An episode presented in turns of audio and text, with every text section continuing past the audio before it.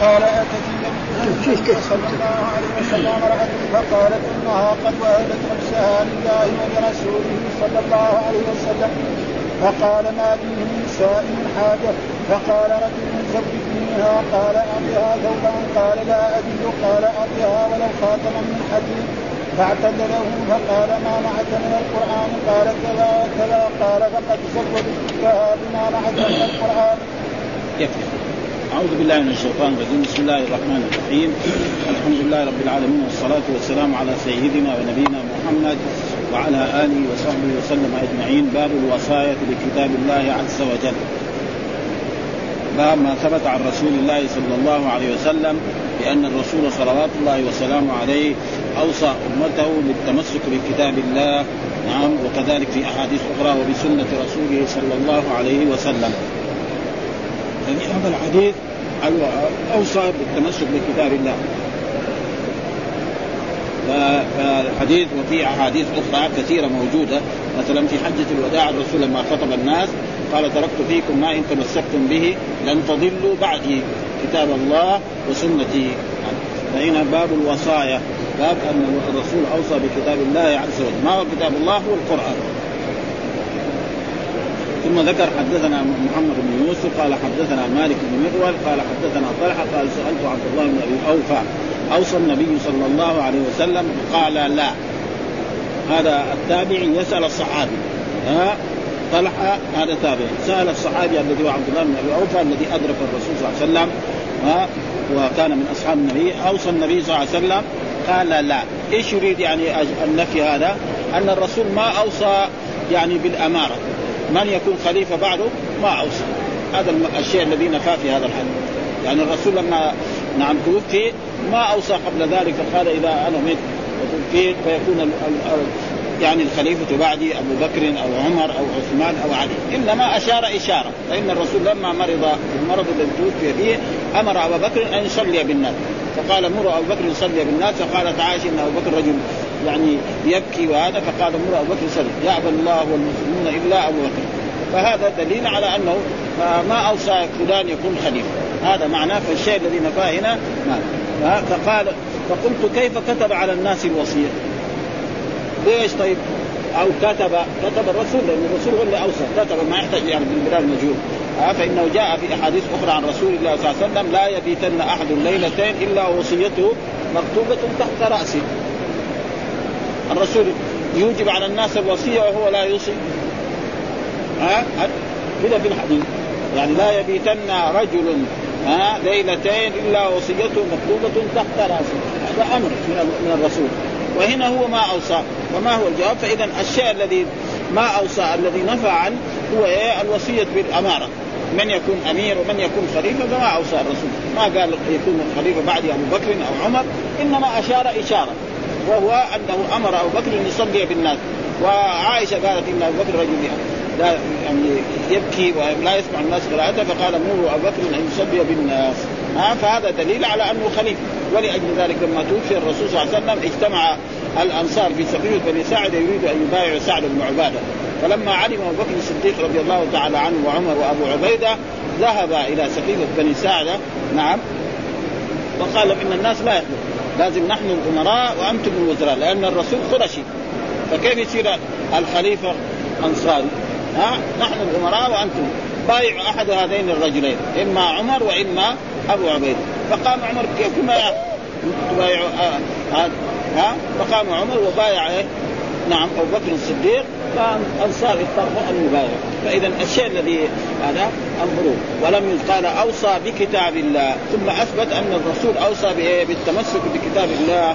نعم. وفي أحاديث أخرى بسنة رسول الله صلى الله عليه وسلم تركت فيكم ما إن تمسكتم به لن تضلوا بعدي. المسلمون في مشارق الأرض ومغاربها إذا تمسكوا بكتاب الله. وسنة رسوله لهم العز والمجد والسؤدد. وإذا تركوا كتاب الله وراءهم ظهريا فلا عز ولا مجد ولا سؤدد مهما كان عندهم من المادية يعني لو فرض أن المسلمين عندهم دحين القنابل الذرية نعم فإنه لا تنفعهم ذلك. يعني ما يرفع المسلمين إلا نعم الدين. ها ولا يقدر يشوف لما كانوا الصحابة رضوان الله تعالى عنهم كانوا يمسكون الدين انتصروا على العالم كله. والمسلمون لما تركوا الدين أهو يعني سلط الله عليهم اليهود الذي أذل الناس. ها والله يقول عن اليهود ضربت عليهم الذلة والمسكنة وباءوا بغضب من الله.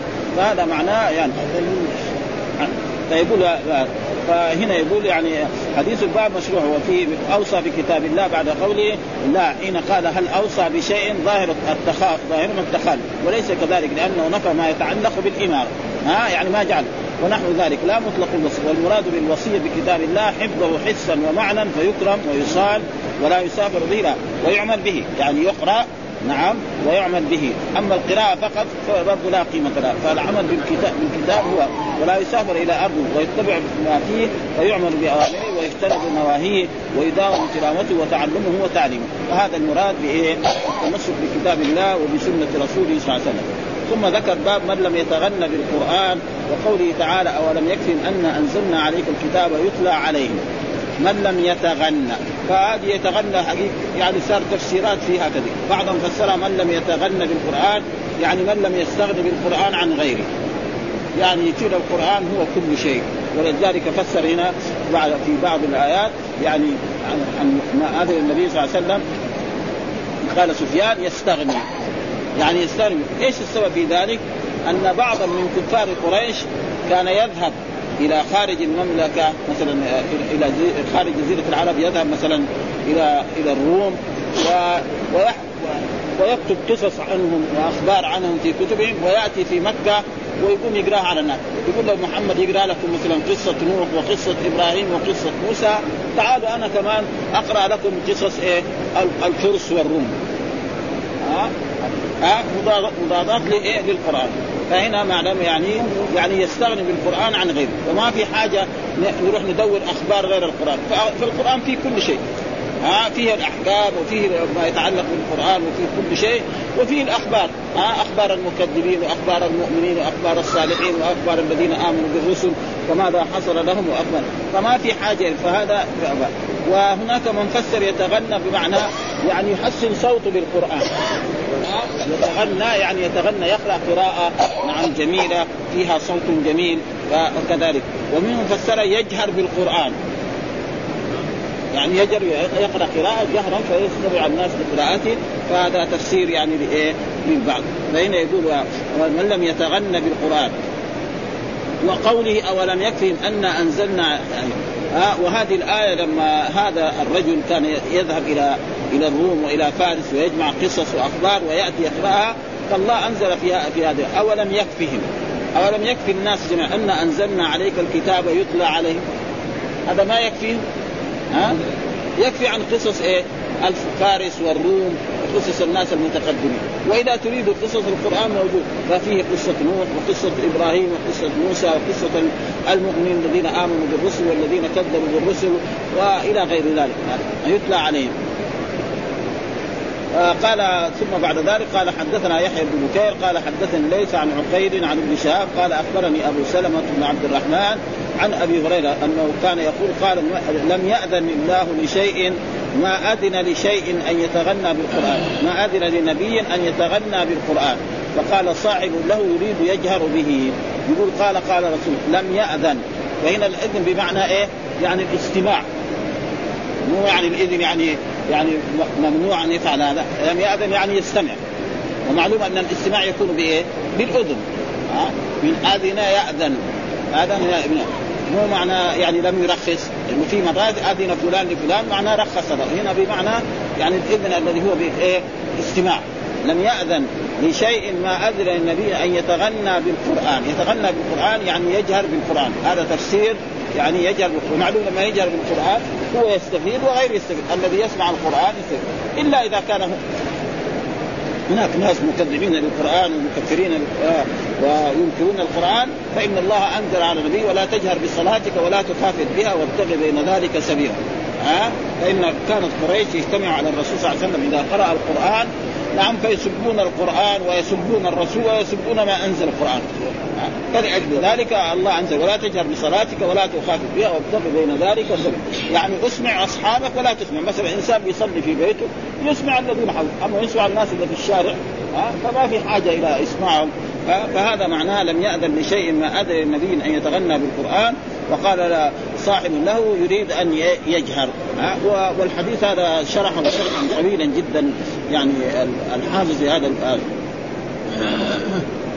وهذه الترجمة جاء في حديث من لم يتغنى بالقرآن فليس يعني نفس الترجمة مأخوذة من حديث من لم يتغنى بالقرآن فليس منا يعني من لم يستغني بالقرآن.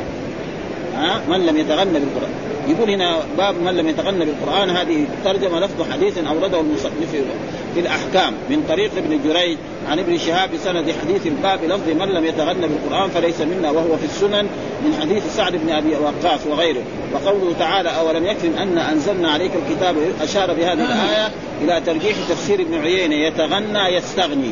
يعني يستغني من القرآن عن غيره من العلوم وبعينه من الكتب. ها لكن السنة في أحاديث أخرى. ها؟ يعني واحد كمان يقول لا السنة كما ظهر في هذه الأوقات بعض الناس يقول يقول القرآن يكفينا.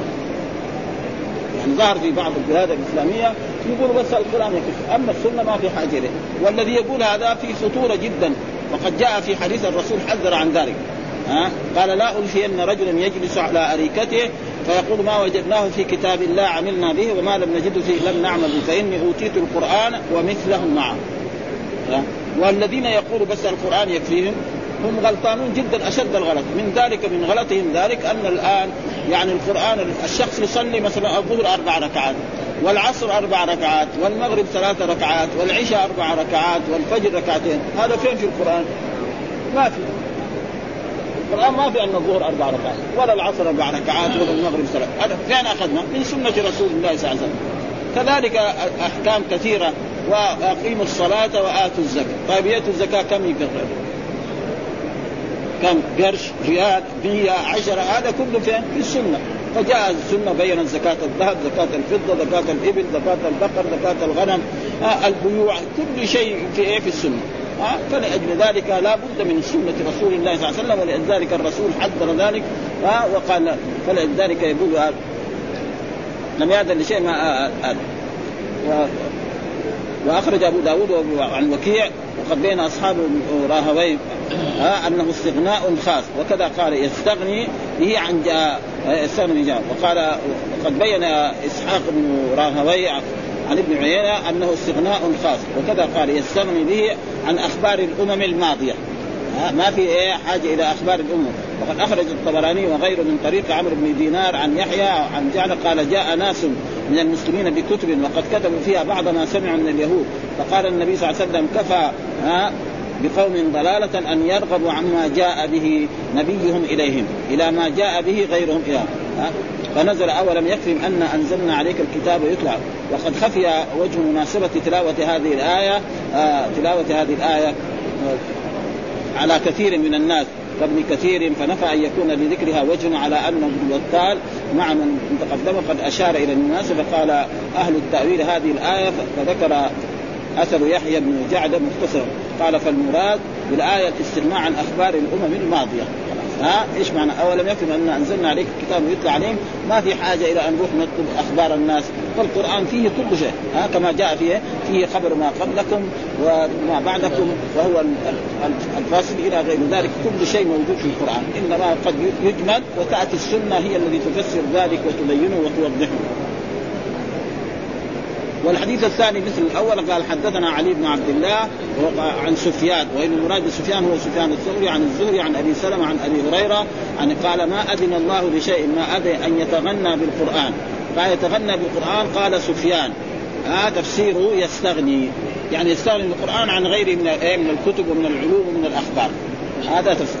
وهناك قال من لم يتغنى يعني من لم يتغنى بالقرآن؟ يعني يحسن صوته ولذلك فسر بعدة تفاسير. منها هذه التفاسير نحن نذكرها التي ذكرها يستغني به ما يبغاش السنة. ها؟ لا يستغني بس يكفي عن الأخبار الثانية. إنه ليس معنى يستغني عن السنة في أخبار ثانية.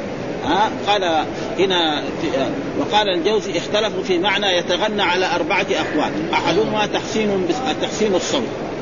يتغنى معناه إيه؟ يحسن صوته بالقراءة، ومعلومة الإنسان لما يحسن صوته بالقراءة. ها؟ تكون القراءة جميلة جدا. وفي غاية من الإيه؟ هذا. ها والثاني الاستغناء. مثل ما إيه؟ فسره سفيان. الثالث التحزن. يقرأ قراءة فيها حزن فيها يعني هذا.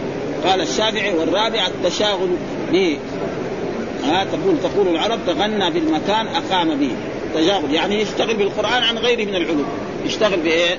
بالقرآن عن غيره من قلت وفيه قول آخر حكاه الزاهر قال المراد به التلذذ والاستحلاء. يعني يتلذذ بقراءة القرآن كما يتلذذ أهل الطرب بالغناء يعني في ناس دحين يقعد بالغنى ساعات ثلاثة أربع ساعات طول النهار وطول الليل يغني. وواحد آخر مسلم ما شاء الله يقرأ القرآن يرى نفسه كأنه في نعيم. ها؟ مثل ما تقدم لنا الصحابي الذي كان يقرأ سورة البقرة ورأى الفرس نعم تضطرب. ها؟ والذي قرأ سورة الكهف. فالمؤمن غير. القرآن يعني لذيذ. والكافر لا. ها؟ والمنافق كذلك ما ما يريد. فلأجل ذلك فالتغني هو إما تحسين الصوت أو الاستغناء أو التحزن قاله الشافعي. والرابع التشاؤم تقول العرب تغنى بالمكان قال وقول آخر حكى الزاهد. قال المراد بالتلذذ كما يتلذذ أهل الطرب بالغنى فأطلق عليه تغنيا من حيث أنه يفعل عنده ما يفعل عند الغناء كقوله بكى بكاء حمامة تدعو هديلا مفجعة على فنن تغني. ها؟ الحمام ما تغني. لكن ترنم. ها؟ ها, ها؟ واحد يعجب بها. وأطلق على صوتها غناء لأنه يطرب كما يطرب وإن لم يكن غناء حقيقي وهو كقولهم العمائم تيجان العرب. يقول العرب يقول العمائم تيجان لكونها تقوم مقام التيجان. العربي يعني كان في الزمن السابق وفي قول آخر حسنه أن يجعله هجيرا أي كما يجعل المسافر والمفارق هجيراه. الغناء ها؟ قال كانت العرب إذا ركبت الإبل تتغنى وإذا جلست في أفنيتها وفي أكثر أحوالها فلما نزل القرآن أحب النبي صلى الله عليه وسلم أن يكون هدي لأن العرب لا يزال إلى الآن إذا كانوا يشتغلوا أو هذا يرفعوا أصواتهم بالغنى فالقرآن جاء فاذا بلاش يعني إذا جلس في مجلس من المجالس يقرأ القرآن ويكون هذا الرابع. فيأيد قول الرابع بيت الأعاشى المتقدم فإنه أراد بقوله طويل التغني. أي طويل الإقامة والاستغناء. فهذا وجاء برضو إن داود كان يقرأ الزبور بسبعين لحنا ويقرأ قراءة يطلب منها المحموم. المحموم الذي إيه يطلب. وكان إذا أراد أن يبكي نفسه لم تبقى دابة في بر ولا بحر إلا أنصتت له واستمعت. وبكت سياتي حديث أبي موسى أعطي مزمارا من مزامير داوود. وفي باب حسن الصوت بالقراءة وفي الجملة ما فسر به ابن عيين ليس بمدفوع وإن كانت ظواهر الأخبار ترجح أن المراد تحسين الصوت ويعيد قول يجهر به فإنها إن كانت مرفوعة قامت الحجة وإن كانت غير مرفوعة فالراوي أعرف ها؟ يعني تحسين الصوت بالقرآن كذلك هذا جيد وكذلك مثلا الاستغناء بالقرآن عن غيره ها؟ ها وذكر أشياء. أحب المكان الفقر من أجل أني به أتغنى باسمها غير معجب قول أخبرني جارا صريحا منه قول ذي الرمه احب أحب المكان المكان الفقر من أجل أنني به أتغنى باسمها غير أي أجهر. ها فهنا التغني بمعنى والحاصل أنه يمكن الجمع بين أكثر التأويلات المذكورة وهو أنه يحسن به صوته جاهرا مترنما على طريق التحزن مستغنيا به عن غيره من الأخبار. فيصير كلها معنى. ها يعني يجهر بالقرآن ويستغني بالقرآن عن غيره ويحسن صوته بالقرآن. فيكون المعنى هذا. وفي بعضهم دائما يفسروا بأشياء مثلا بعض زي القراء يقول إيه معناه يتغنى بالقرآن يحسن صوته بس يفسر هذا. ولكن الحافظ فسر بهذا وما فسره الحافظ هو تقريبا يعني من أحسن ما يكون. ها ها وقال تغنى بالقرآن يحسن به الصوت حزينا جاهرا رنم يعني يقول الحافظ جماعة في بيتين تغنى بالقرآن حسن هذا واحد. ها الصوت حزينا يقرأ جاهرا ورنم واستغني عن كتب الأولى طالبا. ما استغني عن الكتب وأخبار الناس الأولين. ها طالبا غنى يد والنفس ثم الزمن تغني بالشعر. هنا تغنى بالشعر. لا تغنى بالقرآن. ها يقول تغنى بالقرآن. يعني حسن صوتك بقراءة القرآن. هذا معناه وحسن به الصوت. ها حزينا. ويكون القراءة فيها حزن. ها قراءة. وجاهرا معناه اجهر بإيه؟ بالقرآن. رنم كذلك إيه؟ يعني اقرأ بالترنيم تحسينه. واستغني عن كتب الأولى طالبا استغني عن عن عن أي كتاب واي علم من العلوم يعني الأخبار. ها الأخبار التي من الامم ها بين يدي والنفس ثم الزم الزم ذلك دائما.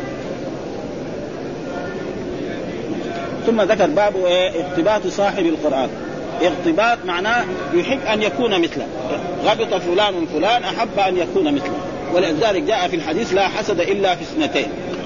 ها فالحسد إيش معنى الحسد؟ الحسد تمنى زوال النعمة عن الغير. هذا مذموم. ومن شر حاسد إذا حسد. ها؟ أم يحسدون الناس على ما آتاهم الله من فضل فقد آتينا آل إبراهيم الكتاب. هذا شيء بغيض. ها؟ كبيره من كبائر الذنوب. فهنا معنى الحسد معناه الغبطة. ها؟ يعني يحب أن يكون مثله. فجاء في الحديث هنا ارتباط صاحب القرآن. يعني الإنسان رأى إنسان يقرأ القرآن قراءة طيبة ويعمل بالقرآن قال في نفسي يا ريت اكون مثل هذا. هذا شيء طيب. ها؟ هذا شيء ممدوح. ها؟ رجل مثلا رأى رجلا غنيا عنده أموال ويتصدق بها على الفقراء وهو فقير. فقال يا ليتني عندي من المال حتى أفعل مثل هذا. هذا طيب. أما الحسد لا. تمني زواج. هذا رجل غني يحب أن تزول النعمة هذه سواء تيجي إليه أو تروح إلى غيره أو بس يعدمها فهذا مذموم ها؟ ومن شر حاسد إذا حسد. والله في واحد عجبني مصري يقول كافر. الذي يحسد زوال نعمة أخيه كافر. كثير. كافر الله طيب. كافر هذا ما هو صحيح وجاب الأدلة. لأنه ما ما في ما في دليل. بقدر الله. لا ما في دليل. يعني. الدليل لا يوجد. بين الناس؟ لا يوجد دليل على الكفر. كفر معناه كفر أكبر؟ لا. كفر اصغر صحيح. بالبرهان يا شيخ. كفر أصغر؟ نعم. ها؟ يقرأوا القرآن بلحون العرب وأصواتها. إيه؟ سيجي بعدين الناس إيه؟ أن يترجعون القرآن. هذا هذا هذا هو لا في بعضهم يكاد يساوي غنى. يعني الآن يعني بعضهم بيساوي غنى؟ فأما قراءة بالتجويد أو قراءة بالترتيل هذا من أحسن ما يكون. ولذلك ذكر هذا في يعني أشياء مثل هذا. ها هذا. فيقول باب اغتباط صاحب القرآن. يعني يحب أن يكون مثله. إيش معنى الاغتباط يحب أن يكون مثل صاحب القرآن يقرأ القرآن. مثلا رجل له جار ويسمع جاره في الليل يقوم يصلي ويقرأ القرآن. يا ليتني أنا الله أحفظ صور أفعل مثله. هذا شيء طيب. ها؟ ها, ها؟ طيب إيش الدليل؟ قال الحديث حدثنا أبو اليمان أخبرنا شعيب عن الزهري قال حدثني سالم بن عبد الله أن عبد الله بن عمر رضي الله قال سمعته يقول لا حسد إلا على اثنتين. لا حسد. رجل على اثنتين رجل آتاه الله الكتاب. والمراد بالكتاب هنا العهدية المراد به القرآن ها وقام به آناء الليل. يعني كان في الليل يقوم يصلي به ويقرأ يصلي ركعات ورجل أعطاه مالا فهو يتصدق به آناء الليل وآن.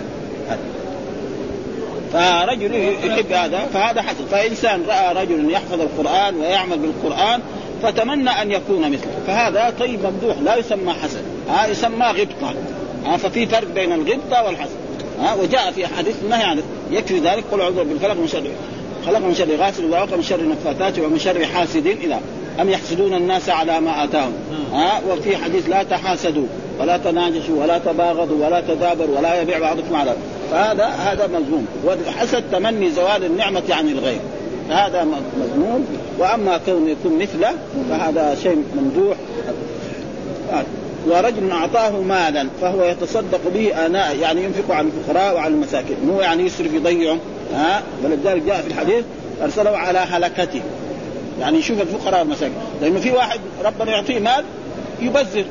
آه آه هذا ما ها؟ هذا ما ها؟ إن المبذرين كانوا اخوانا أو يسرف فيه يضيع فهذا كما فلذلك جاء في الحديث الثاني حدثنا علي بن إبراهيم حدثنا روح حدثنا شعبة عن قال سمعت زكوان عن أبي هريرة أن الرسول قال لا حسد إلا في رجل علمه الله القرآن فهو يتلوه آناء الليل وآناء النهار. فسمعه جار له جار له جنبه في البيت فقال ليتني أوتيت مثل ما أوتي فلان. ها فيؤجر. ها يا ليتني أنا كمان أحفظ القرآن وأستطيع أن أقوم وأصلي في الليل. نعم فعملت مثل ما يعمل. فهذا له أجر فهذا لا يسمى حق فهذا غبطة. ورجل آتاه الله مالا فهو يهلكه في الحق. شوف ويهلكه في الحق معناه يوزع على الفقراء وعلى المساكين وعلى. ما يضيعه. ها يس- يسرف فيه. أو يبذر فيه لا ها فلذلك قال في الحق. يعني لأنه في واحد تجد عنده أموال كثيرة يروح يضيع في الشيطان الرجل في التبذير. هذا فلذلك قال في الحق. ها فيعطيها للفقراء والمساكين والناس المحتاجين. ها ورجل ليتني أوتيت مثل ما أوتي فلان فعملت مثل ما يعمل. فلذلك هذا يكون فيه اقتباس ويكون فيها. وهذا الحديث يقول اصله تقدم في إيه؟ في باب في, كتاب العلم في أول البخاري باب اضطباط العلم والحكم وذكرت هناك تفسير الغبطة والفرق بينهما وبين الحسد والحسد أن الحديث أطلق عليه مجازا وذكرت كثيرا من مباحث المتن هناك ترجمه اقتباس صاحب القرآن وهذا فعل صاحب وهذا فعل صاحب القرآن فهو الذي يرتبط واذا كان يغبط بفعل نفسه كان معناه أنه يسر ويرتاح بعمل نفسه وهذا ليس مطابق قلت ويمكن الجواب لأن مراد البخاري بأن الحديث لما كان دالا على على أن غير صاحب القرآن يرتبط صاحب القرآن بما أعطيه من العمل بالقرآن فاقتباس صاحب عمل نفسه أولى إذا سمع هذه البشارة الواردة في حديث الصالح لا حسد أي لا رخصة في الحسد إلا في خصلتين. ها؟ أول. ها؟ أو لا يحسن الحسن إن يعني لا يحسن الحسد إن حسن أو أطلق الحسد مبالغة في الحث على تحصيل الخصلتين كانه قيل لو لم يحصل إلا بالطريق المذموم لكان فيه معنى مثل ما قال فاستبقوا الخيرات فإن حقيقة السبق أن يتقدم على غيره في المطلوب إلا سنتين في حديث ابن مسعود الماضي. قام به آناء الليل أي وقعت ع- في- النسخة التي وقعت عليها من البخاري وفي مستخرج أبي نعيم من طريق آه فيه آناء الليل وآناء النهار وكذا أخرجه. وكذلك آه، الحديث آه، الحديث الثاني الواسطي عاش بعد البخاري عشرين سنة. فذكر إيه؟ قال سمعت ذكوان هو أبو صالح السمان قلت ول جمهوري عن عن- ولشعبة عن الأعمش فيه شيخ آخر أخرجه أحمد عن محمد بن جعفر عن غندر عن شعبة عن الأعمش عن سالم عن أبي الجعد عن أبي كبشان وأخرجه أيضا كذلك عن الأعمش وإنما حديثان متغايران سندا ومتنا اجتمع لشعبة. وأشار ب- بأبو عوانة إلى أن مسلم لم يخرج حديث أبي هريرة لهذه العلة وليس ذلك بواضح لأن ليست علة قادحة وهو يغلقه بالحق في احتراز بليغ كأنه لما أوهم الإنفاق بالتبذير من جهة عموم الإهلاك قيده بالحق. ها؟ ولذلك قال بالحق. ثم ذكر باب خيركم من تعلم القرآن وعلمه. ها خيركم من تعلم القرآن وعلمه. فخير إنسان يتعلم القرآن ويعمل به، أما يتعلم القرآن ولا يعمل به ما في فائدة. ها هذا ها يتعلم القرآن ويعمل به. عن الشيخ في حديث اكتشفته ها قال من لم من لم يرضي بقضائي وقدري يخرج من تحت السماء وارضي إيه، يتولد ربا سواه. هذا معليش هذا. هذا ما يدل على الكفر يعني. الاحاديث مثلا يعني أمثل لك. مثلا آه قول مثلا آه، في الحديث ال- الذي من شرب الخمر أو- آه، مثلا آه، إيه؟ من شرب الخمر؟ في احاديث اللي فيها الوعيد يعني. ها؟ الاحاديث اللي فيها الوعيد في في من شرب الخمر. أو ها؟ لا يزني الزاني. ها؟ لا، مثلا لا يزني الزاني حين يزني وفي غيرها كذلك مثلا آه، أحاديث اللي في الخمر أو أحاديث اللي في بعض المعاصي. مثلا ليس منا. الرسول إذا قال مثلا ليس منا. ليس معناه انه أنه ليس هو كافر. إنما معناه ليس إيه؟ على طريقتنا التي إيه؟ مشى عليها المسلم. ها؟ مثلا من رغب عن سنتي فليس مني من رغب عن سنتي فليس إيش معناه؟ يعني معناه مرتد؟ لا. ها؟ ها؟ وكذلك مثلا آه، آه، في الأحاديث التي فيها وعيد يعني. فيها وعيد مثلا آه، آه، إما آه، مثل شرب الخمر أو مثل هذا. حقوق الوالدين. آه، آه، حق آه، إيه إيه مثلا لا يدخل الجنة عاق لوالديه لا يدخل الجنة عاق معناها كافر؟ لا. آه، هذه أحاديث كده وقعت تترك على ظاهر. مثلا في الوعد والإرشاد. لا بأس. مثلا رجل يعظ في بر الوالدين يقول ما لا يدخل الجنة عاق لوالديه لكن لطلبة العلم ما يصح. آه، مثلا خطيب في جمعة. ها يقول لا يدخل الجنة عاق لوالد. ولا يشرحها. يسمع واحد كان عاق لوالد. يقول "وال- هذا إيه ده؟ دغري يروح يبر والديه. أما طلبة العلم فيجب إيه؟ بيانها أنه لا لا يدخل الجنة عاقل لوالديه. لا يدخل الجنة مدمن خمر. كذا في حديث بهذا. لا يدخل الجنة مدمن معناه يدخل الجنه معناه إيه؟ نقدر نقول لا يدخل الجنة مع الداخلين الأولين. أو يعذب على قدر ذنبه ثم لأنه في أحاديث سيخرج من النار من كان في قلبه مثقال ذرة من إيمان. ها؟ احاديث الرسول. يجوا زي الاشعريه المعتزله يقول إيه؟ لا يزني الزاني حين يزني وهو مؤمن. خلاص. الزاني لا يدخل الجنة. لا هذا غلط. وهذا شغل المعتزلة والخوارج. والأحاديث كثيرة تدل على أن مرتكب الكبيره مؤمن. ويكفي ذلك القرآن. وان طائفتان من المؤمنين اقتتلوا بعد ذلك فإن بغت إحداهما أخرى فقاتل التي تبغي حتى تفيء إلى فان فات واصلحوا بينهما بالعدل وأصلح. إن الله إنما المؤمنون سمى الطائفتين المتقاتلتين إيه؟ وكذلك هنا فمن عفي له من أخيه شيء. سمى القاتل للمقتول اخا لو كان القاتل كافر ما يصير اخ؟ فهذا يجب يعني بيانه لطلبة العلم. وأما في الوعظ والإرشاد يترك كذا على ظاهر مثلا خطيب في جمعة من الجمع. نعم. يقول كذا مثلا في مكة. ها ها يعني خطيب في الجمعة يذكر ويرد فيه بالحال من ضمن من عذاب أليم وامثال ذلك. الناس يخافوا. وأما طلبه العلم فيجب شرح هذه الأحاديث عشان تكون إيه؟ فيقول خيركم. هذا أفعل تفضيل. يعني من تعلم القرآن وعلم. تعلم القرآن وعمل به وعلمه غيره. واختلفوا يقول يعني هل تعليم القرآن أفضل من الأعمال الثانية مثلا الجهاد؟ يقول بعضهم قال تعلم القرآن وبعضهم يرى أن الجهاد وهذه أشياء تختلف باختلاف الناس. في شخص مثلا يمكن لما يجلس يعلم القرآن أفضل يروح الجهاد يكون رجل رجل كبير في السن ضعيف في البدن ها؟ كونه يجلس يعلم الناس القرآن أفضل. ورجل قوي شاب يروح للجهاد كل شيء له أوقات يعني أو في وقت دون وقت. فيقول خيركم من تعلم القرآن وعلم هذا إيه؟ من نفس الحديث من الترجمة. نفس الحديث أخذوه وشاف. خيركم من تعلم القرآن إيش الدليل؟ قال حدثنا حجاج ابن المنهال حدثنا شعبة قال أخبرني علقمه قال سمعت سعد بن عبيدة عن أبي عبد الرحمن السلمي عن عثمان عن النبي قال خيركم من تعلم القرآن وقال وقرأ أبو عبد الرحمن في إمرة عثمان حتى كان الحجاج. قال وذا وذاك الذي أقعدني مقعدي هذا. يقول في هذا الحديث عن هؤلاء عن علقمة بن قال سمعت سعد بن عبيدة عن أبي عبد الرحمن السلمي التابع عن عثمان والمراد عثمان عثمان رضي الله تعالى عنه الخليفه الثالث عن النبي قال خيركم خيركم أفعل تفضيل اصله كان فيه همزه وحذفت وهذا دائما في خير وفي شر حذفت الهمزه وإلا أفعل التفضيل دائما يجي إيه؟ يعني أفعل أكرم أحسن أجمل إلا في خير وفي شر. وقد يستعمل قليل خيركم من تعلم القرآن.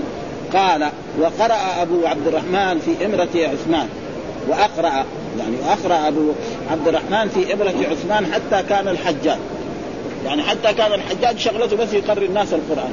جالس في مجلس من المجالس يعلم الناس القرآن. آه قال وذاك الذي أقعدني مقعدي هذا. آه هذا الذي أقعدني مقعدي هذا. وكنت أنا أعلم فرأى أنه هذا فيه فضل عظيم جدا. و المعلم وحجج ها؟ المعلم حجج ها؟ إيه. ها؟ ويدرس. إيه؟ بس هو معلوم إنه يدرس دروس ثانية علمية. يدخل فيها لأن الدروس العلمية لأن القرآن يبغى له شرح. ها؟ يبغى له شرح. يبغى له والسنة كذلك. ها, ها؟ يبغى لها شرح. فمثلا واحد حفظ القرآن غيبا وما يعرف الأحكام الشرعية يمكن ما يصلح حتى يص... كيف يصلي ما يعرف. ها؟ فلا بد من إيه؟ الفقه. ولذلك جاء في الأحاديث مثلا يا أم الناس أقرأهم لكتاب الله. وان كان في القراءة سواء فأعلمهم بالسنة، إيش أعلم بالسنة؟ أعلم بأحكام أحكام الصلاة. فلازم الصلاة لها أحكام. يعرف الوضوء ويعرف سجود السهو ويعرف الواجبات ويعرف المستحبات. لا بد من هذه الأشياء. وهذه تعرف في من السنة تعرف. أو من كتب الفقه. وكتب الفقه لا بأس بقراءتها. يعني لا بأس بقراءتها. بس إنما قراءة كتب الفقه يجب أن نقرأ كتب الفقه ونظل على الحديث. مثلا هذه المسألة قال فيها فلان كذا مالك كذا وقال الشافعي كذا لكن الحديث يدل على كذا. ها؟ هذا هذا الواجب من طلبة العلم. أما يجي مثلا عالم يكون يعلم السنة أو يعلم يقول قال مالك وقال الشافعي وقال أحمد وقال أبو حنيفة ويتركها كذا. ما هو صحيح؟ هذا غش يعني. فلازم يبين. ها؟ يبين إيه؟ الدليل مع من؟ ليه؟ لأن الله قال ان تنازعتم في شيء فردوه إلى الله وإلى الرسول ثم هؤلاء ما أرادوا مخالفة الرسول صلى الله عليه وسلم، الأئمة حاشاهم أن يريدوا مخالفة رسول الله صلى الله عليه وسلم ابدا، إنما بعضهم ما بلغتهم الأحاديث. ها؟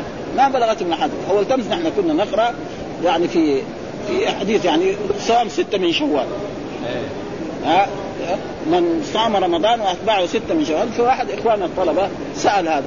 طيب في من العلماء من يقول مكروه وإذا بي أنا أذكر مالك يقول يكره إيه؟ صيام الستة من شوال.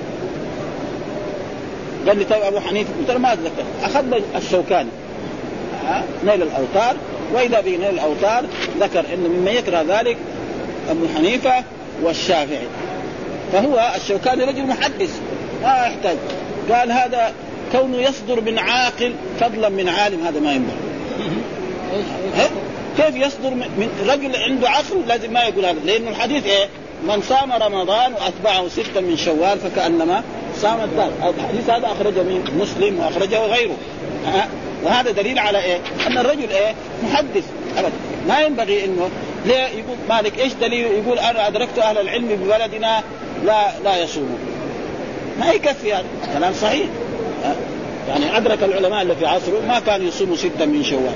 إيش السبب؟ يقول لك إنه بعض العامة يظن أن هذا واجب. فلذلك دحين بعض العوام لما يعيد يوم العيد ويصوم الستة يقول إيه؟ عيدنا. هذا هو اللي خشي من مالك. ها؟ دحين يوم يوم واحد من شوال فطر يجي دغري يوم اثنين يصوم. يوم اثنين ثلاثة أربعة يوم سبعة يقول إيه؟ عيدنا. يعني كأنها واجبة. هذا هذا هذا اللي خلى مالك. ونحن نعتذر للامام مالك أنه ما بلغه الحديث. لأنه ما هو ما هو موجود في الموطأ. لو كان موجود في الموطأ ما في شيء ها؟ فلأجل ذلك العلم آه يعني إذا حصل نزاع يرجع إلى كتاب الله وإلى سنة رسوله صلى الله عليه وسلم. وما في إمام من الأئمة أو عالم من العلماء يريد مخالفة رسول الله صلى الله عليه وسلم ابدا خصوصا في الأولين. انها بعدين لما جاءت الوظائف والأحكام صار إيه التعصب للمذاهب. مثلا في أيام مثلا أيام الأتراك التعصب للمذهب الحنفي. ما يصير ما يصير حنفي ما يصير خالد ولا يصير عالم ولا يصير ابدا ها؟ ما يروح في بعض البلاد يتعصب للمذهب ها؟ فلذلك قراءة السنة هي إيه؟ فلذلك يقول في هذا الحديث خيركم من تعلم يقول قرأ وأقرأ أبو عبد الرحمن في إمرة عثمان حتى كان الحجاج. وذلك الذي أقعدني مقعدي هذه هذا. يقول في هذه المسألة ها قال وأقرأ أبو عبد الرحمن في إمرة عثمان حتى كان الحجاج حتى ولي الحجاج قلت بين أول خلافة عثمان وآخر ولاية الحجاج 72 سنة إلا ثلاثة أشهر وبين آخر خلافة عثمان وأول ولاية الحجاج العراق 88 سنة ولم أقف على تعيين ابتداء إقراء أبي عبد الرحمن وأخي. فالله أعلم بمقدار ذلك. ويعرف من الذي ذكرته أقصى المدة وادناه والقائل وأقرأ هو سعد بن عبيدة. فاني لم أرى هذه الزيادة إلا عن رواية. ها فلذلك يعني إقراء القرآن. كثير ها؟ ها؟ تولى كثير الحجاج إيه إيه. يعني بس في العراق. أول كان في الحجاز. ها قاعد في مكة. 70 سنة. ها؟ يعني كان في مكة. يعني كان في مكة هنا. يعني حارب ابن الزبير وقتله و...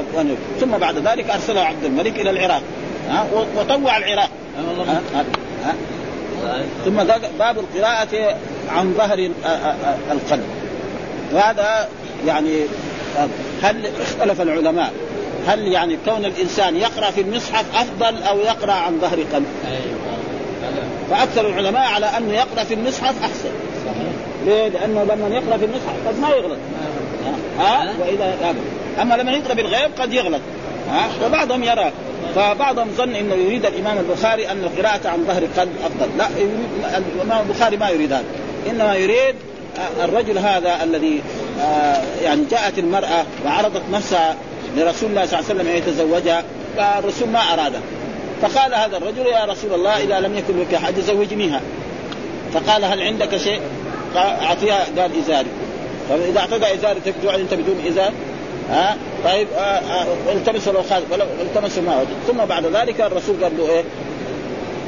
مع علمتك بما معك من القرآن. قال هل تحفظ شيء من القران؟ قال احفظ سورة كذا وكذا وكذا وكذا.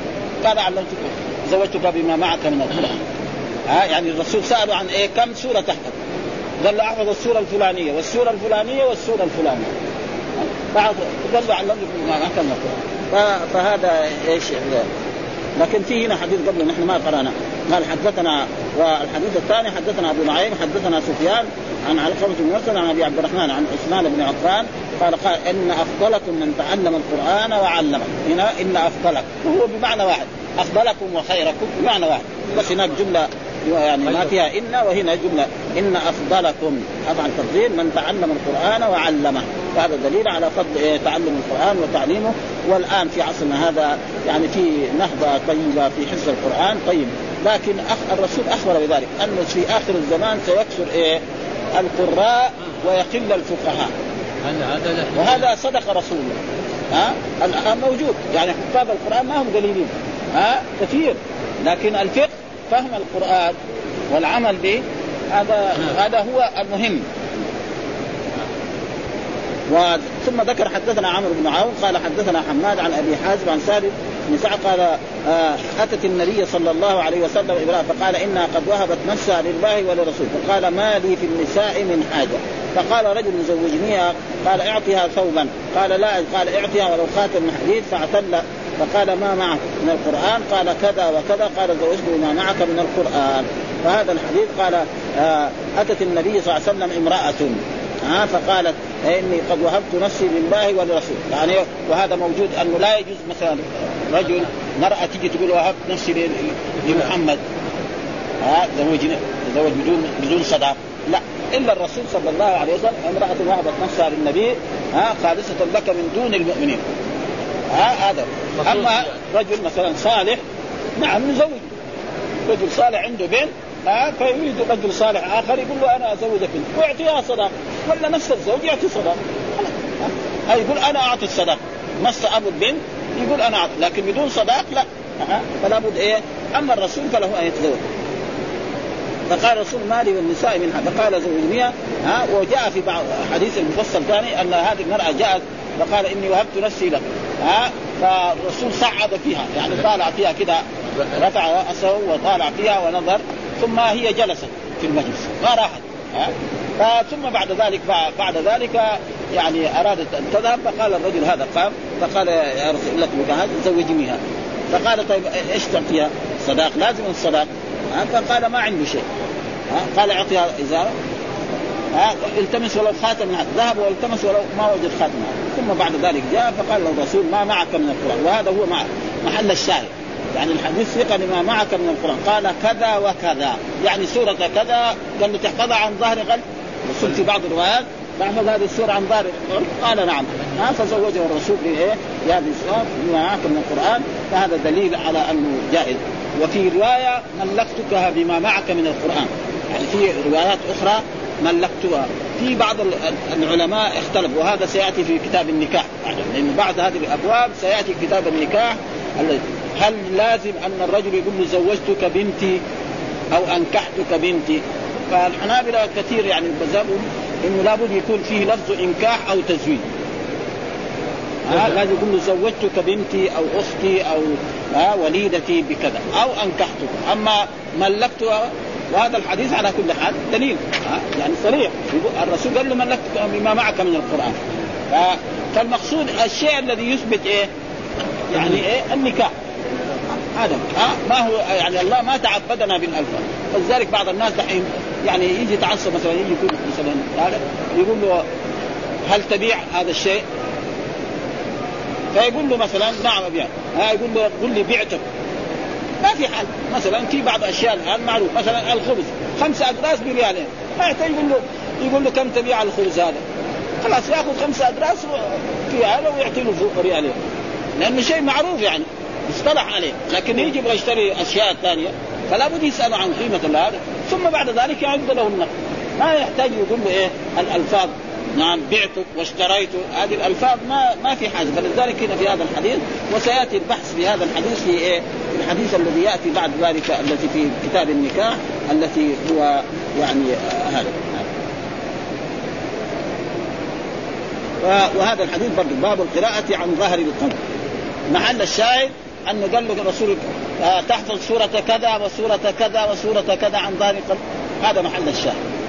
قال له الرجل نعم احفظها قال له إذا زوجتك بما معك من القرآن. يعني حفظها في هذا الزمن رجل يتزوج مرأة يعلمها مثلا يعلمها خياطة يعلمها التطريز يعلمها الطبيخ جائز لأنه فائدة. ها مو لازم إلا فلوس أو ذهب أو فضة أو إبل أو بقر أو غنم أي ها؟ فايش الدليل؟ قال قتيبة بن سعيد قال حدثنا يعقوب بن عبد الرحمن عن أبي حازم عن سالم بن سعد أن امرأة جاءت إلى رسول الله فقالت يا رسول الله جئت لأهب لك نفسي فنظر إليها رسول فصعد النظر إليها وصوبه يعني طالع فيها على فوق فما نسوت ها؟ ثم طعت فلما رأت المرأة أنه لم يقضي شيء جلست. ما راحت فقام رجل من أصحابه فقال يا رسول إن لم يكن لك حاجة فزوجنيها فقال هل عندك من شيء؟ فقال لا. والله يا رسول. قال اذهب إلى أهلك فانظر هل تجد شيئا؟ فذهب ثم رجع قال لا والله يا ما وجدت. قال انظر ولو خاتما من حديد. ها فذهب ثم رجع فقال والله يا رب ولو خاتم من حديد. ولكن هذا إزاري. قال سهل ما له رداء. يعني ما له إلا المغطي عورته من فوق هنا مكشوف. ها هذا الرداء. الرداء اللي يوضع على الكذب ها إن لبسته لم يكن عليك من شيء. وإن لبسته لم يكن عليك من فجلس الرجل حتى طال ثم خلاص هو ها زوجها السلطان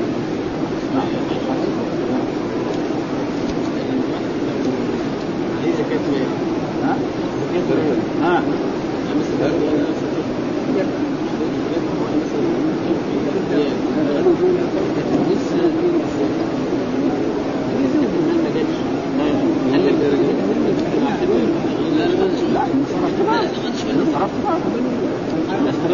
صرفت ما اعرف الثالث اللي موجود في الصندوق عندك أو في البنك أو هذا هذا قبل التصرف واما الذي صرفته في معقل أو مشرب أو مجلس يا بس أنا مشكله حاجات ما ما ما لما يجي تحاول تشوف إيش عندك في صندوقك وايش عندك في البنك مثلا أو عندك امانات عند ناس محفوظه يعني هذا كله واما اللي صرفت ما له اما صرفت في المأكل وفي المشرب وفي الهدايا ما ما لما يجي معاد الزكاه هل ممكن أعطيها لأخي مثلا؟ اخيك تعطي بس ما تعطي اصغر في ها؟ أبوك وجدك ما تعطي أولادك وأولاد أولادك ما تعطي يعني يا أخي مثلا لو آه إيه فقير يعطيك نعم. هو مش فقير بس يبني ويحتاج يعني. لا إذا كان فقير إذا كنت فقير أما إذا كان وعنده فلوس يبني. لا ما عنده ها؟ ما عنده خلاص الأخ يعطى من الزكاة بس اذا ما يعطى الأصل والفرق. أبوه جده وزوجة كمان ما يعطي الزوجه ما يعطي هذا ما يعطي أنا لو ها؟ أنا استطيع أنا عن زوج هل ممكن الاولاد هذا خليه مراتب اذا صغار صغار خليه مراتب يعني بس يروح معاكم إلى عرفه والى